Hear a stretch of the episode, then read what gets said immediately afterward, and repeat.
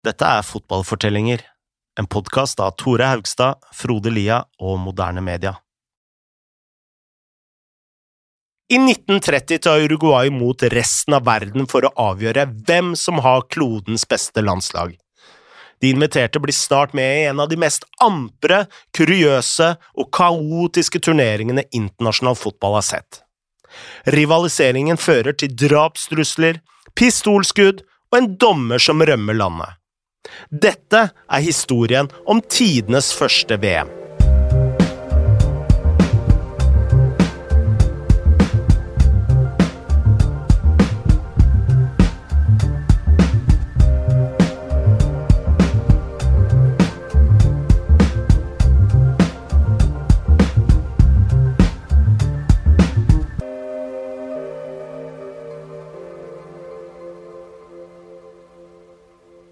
Først må vi si at dette er en fortsettelse på den andre sesongen av Fotballfortellinger, som handler om det legendariske OL-laget til Uruguay på 20-tallet. Lenge var OL en vits av et fotballmesterskap, delvis fordi det nesten bare var England som hadde gode spillere, men på 20-tallet kom de søramerikanske lagene på banen, og da steg prestisjen fort. OL i 1924 var det første hvor fotballag utenfor Europa var med. Der vant Uruguay og ble hylla som verdens beste lag, men OL var jo kun for amatører, og dermed var det jo veldig mange proffer, spesielt fra England, som ikke kunne være med. Faktisk var ikke England med i det hele tatt i 1924, fordi de mente det var en selvfølge at de var best i sporten de tross alt hadde funnet opp sjøl. Også Argentina hadde en høne å plukke med at Uruguay liksom skulle være verdens beste lag, for de hadde spilt jevnt i Copa America i Sør-Amerika like før dette. Men siden Argentina ikke hadde stilt opp, så kunne de jo selvfølgelig heller ikke vinne. I OL i 1928 stilte Argentina endelig opp og nådde finalen, men igjen vant Uruguay. Innen dette hadde England trukket seg ut av Fifa, Grunnen var at flere land hadde ønska å gi sine spillere økonomisk kompensasjon under lekene, siden de tross alt måtte ta seg fri fra jobb. England ville at OL skulle være uten betaling av noe som helst slag, og da Fifa godtok finansiell kompensasjon, dro England i protest. Det var uansett klart nå at fotball var blitt altfor stort for OL. Hver eneste gang så var det sporten som trakk til seg klart flest tilskuere, og dessuten var det for mange proffer i gamet til at den største internasjonale turneringa bare skulle være for amatører. Så i 1928 så eh, bestemte Fifa seg for at det her går ikke lenger, vi må ha en egen turnering utenfor OL som kun er for fotball, og dermed kom ideen på bordet frem om at de skulle ha tidenes første verdensmesterskap. Alle Fifa-medlemmer var invitert, og VM skulle holdes hvert fjerde år. Nå måtte de bare finne ut av hvem som skulle arrangere den aller første utgaven. Flere land la frem bud, men Uruguay hadde overlevd finanskrisen og tilbød å dekke deltakernes reiseutgifter og å bygge et nytt stadion med plass til 90 000 tilskuere. Dette var nok til å overbevise Fifa, og dermed ble tidenes første VM brukt til å markere 100-årsjubileet for landets grunnlov. Den nye storstua ble kalt Estadio Centenario. Allerede fra dag én ble altså VM blanda med nasjonalfølelse og politikk. Men nå måtte ting skje veldig kjapt. VM var kun ett år unna, og lagene måtte jo først og fremst på plass. Ingen hadde tid til noe som helst form for kvalifisering, så alle lagene som ville bli med, de ble med. De første syv som meldte seg på, var fra Sør-Amerika eller Nord-Amerika, som ga mening fordi de tross alt var ganske nærme Uruguay, men mange lag i Europa takka nei. England mente fortsatt at det var unødvendig for de å måtte spille en turnering for å vise at de var best, men det var heller ingen andre land fra Europa som var særlig keen på dette. Mange av spillerne hadde jobber og slet med å spørre sjefene om de kunne ta fri to måneder for å spille en turnering på andre siden av kloden. Det fantes heller ingen kommersielle flyselskap, så lagene måtte reise i to uker med båt.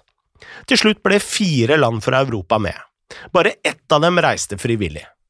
Lagene steg om bord et luksuriøst dampskip kalt Conte Verde, som skulle ta denne gjengen ned helt til Uruguay. Skuta tok først ut fra Genoa med Romanias landslag om bord. De ble med fordi kong Carol 2. hadde lova å støtte dette nye VM-et. Og her var det ikke snakk om at uh, treneren leste opp uh, ei liste med sine utvalgte. Det var kong Carol sjøl som hadde tatt ut spillerne til landslagstroppen.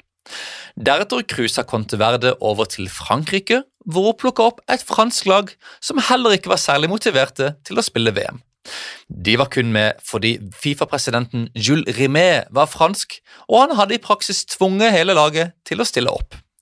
Det eneste han ikke hadde trua om bord, var stjernespilleren Manuel Anatol og selve treneren Gaston Barrault. Contoverde tøffa seg videre ned til Barcelona, hvor Belgia sto klare med kofferten. De hadde blitt overtalt fordi Fifas visepresident, Rudolf Siedrajers, var belgisk men heller ikke de stilte med sine aller beste menn. I Belgia var det nemlig ikke lov for fotballspillere å jobbe ved siden av, og spissen Raymond Brain hadde brutt reglene ved å åpne en kafé. Det eneste europeiske laget som dro helt frivillig, var dermed Jugoslavia. Men de ville ikke dele båt med noen på vei ned til Uruguay, og satte dermed kurs for Sør-Amerika i sin egen lille jolle. Selv om mange av spillerne helst skulle vært hjemme, var det en lystig stemning om bord på Conte Verde. VM skulle begynne ni dager etter at de kom fram, så lagene tok sine treningsleire på dekk. De sprinta frem og tilbake, og la kanskje inn noen stigningsløp her og der. De hoppa opp trapper, løfta vekter, og på et av bildene har franskmennene satt opp fem stoler på dekk slik at spillerne kunne løpe hekk. Når spillerne hadde trent, ble de underholdt av musikere og komikere. Den franske spissen Lucien Laurent sa senere at det hele virka som en svær ferie, og at ingen av de egentlig ante om hvor stor denne anledninga egentlig var. Det var et eventyr, sa Laurent. Vi var unge menn som simpelthen hadde det moro.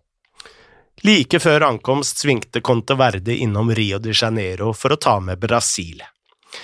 Man skulle jo tro at eh, Brasil var de store favorittene, men de hang faktisk veldig langt etter Argentina og Uruguay, og interne stridigheter hadde gjort at de ikke hadde spilt landskamper på flere år. Også Egypt skulle bli med Conte Verde, men da de hadde reist fra Afrika i en mindre båt, hadde de blitt hindra av en storm, og dermed var det ingen deltakere fra Afrika. Totalt stilte 13 land opp i Uruguay. De var Argentina, Belgia, Bolivia, Brasil, Chile, Frankrike, Jugoslavia, Mexico, Paraguay, Peru, Romania, Uruguay og USA. Blant disse var det to klare favoritter. Uruguay var verter og olympiske mestere to ganger på rad, mens Argentina hadde kommet til finalen i det forrige OL-et og hadde vunnet Copa America året før. Da Argentina dukka opp i Montevideo, skrev det argentinske magasinet El Grafico at verdensmesterne var tilbake i byen, og det satte full fyr i Uruguays VM-telt. Det tok ikke lang tid før organiseringen av VM ble kaotisk. Åpningskampen skulle være Frankrike mot Mexico på den splitter nye Estadio Centenario, men regn hadde forsinka byggingen, så oppgjøret ble flytta til lille Estadio Poquitos, hvor mindre enn 5000 tilskuere så Frankrike vinne 4-1. Da Brasil møtte Bolivia, stilte begge i hvite drakter, så Bolivia måtte bytte til, hold dere fast, røde drakter. Og det var ikke det eneste som gikk imot bolivianerne. Da de senere møtte Jugoslavia, fikk de hele fire mål annullert av Francesco Mateucci som fortsatt er tidenes yngste VM-dommer med sine 27 år. Uruguay for sin del stilte med ni OL-vinnere i troppen og begynte med å slå Peru og Romania.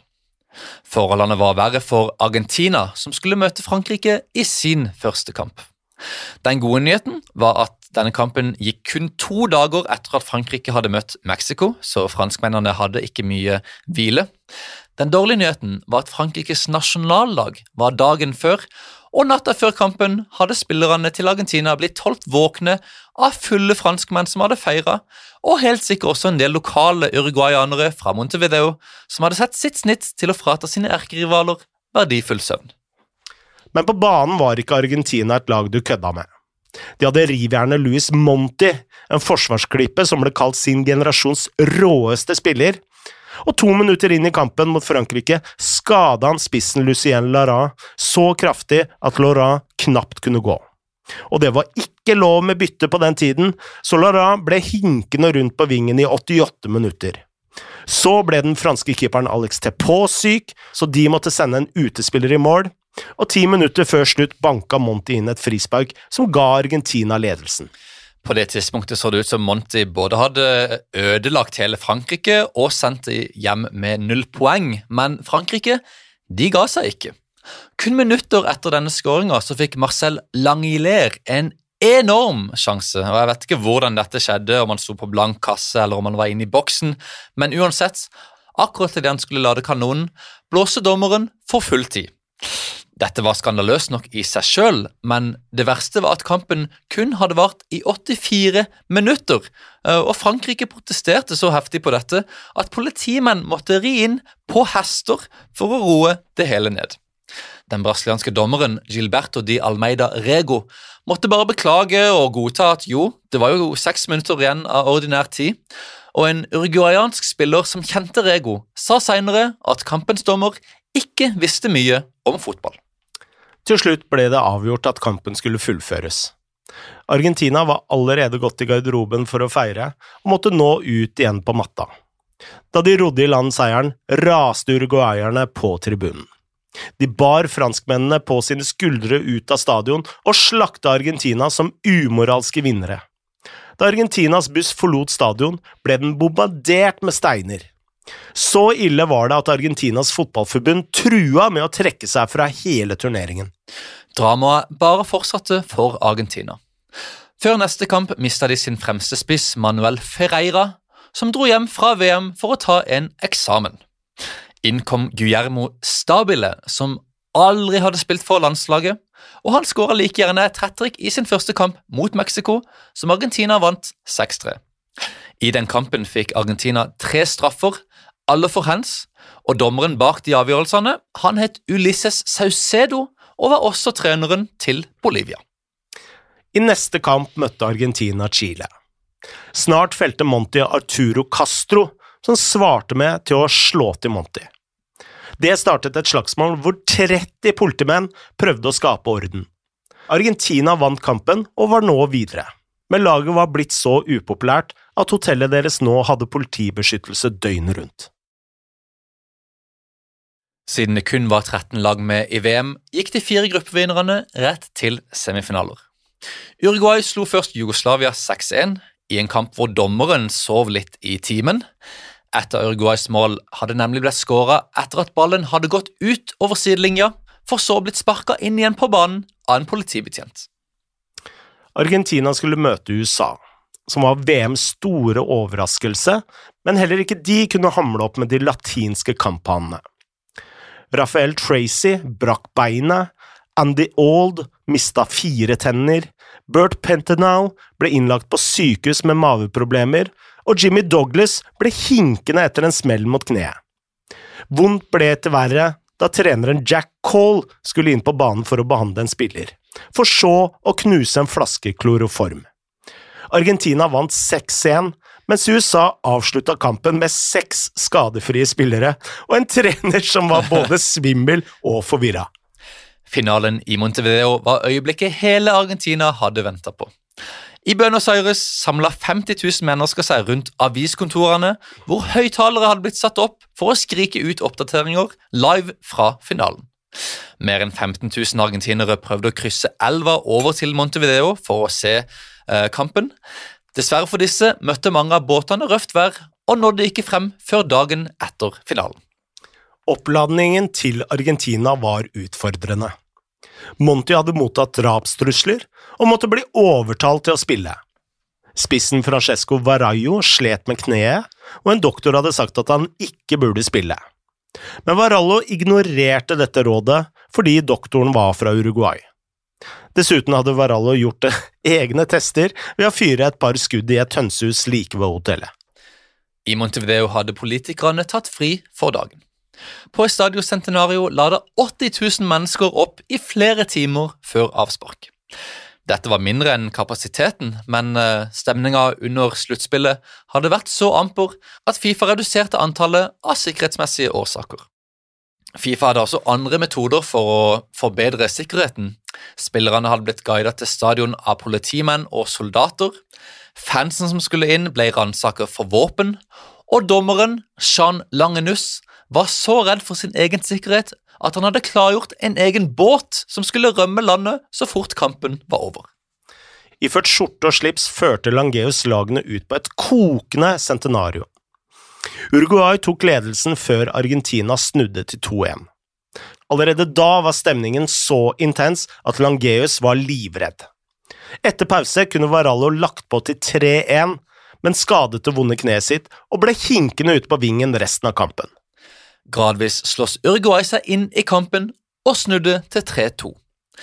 Like før slutt kunne livsfarlige Stabile utligna til 3-3, men traff treverket, og i stedet falt ballen til Uruguays spiss, Hector Castro, en fyr som hadde mista sin høyre arm som tenåring i et uhell med en elektrisk sag.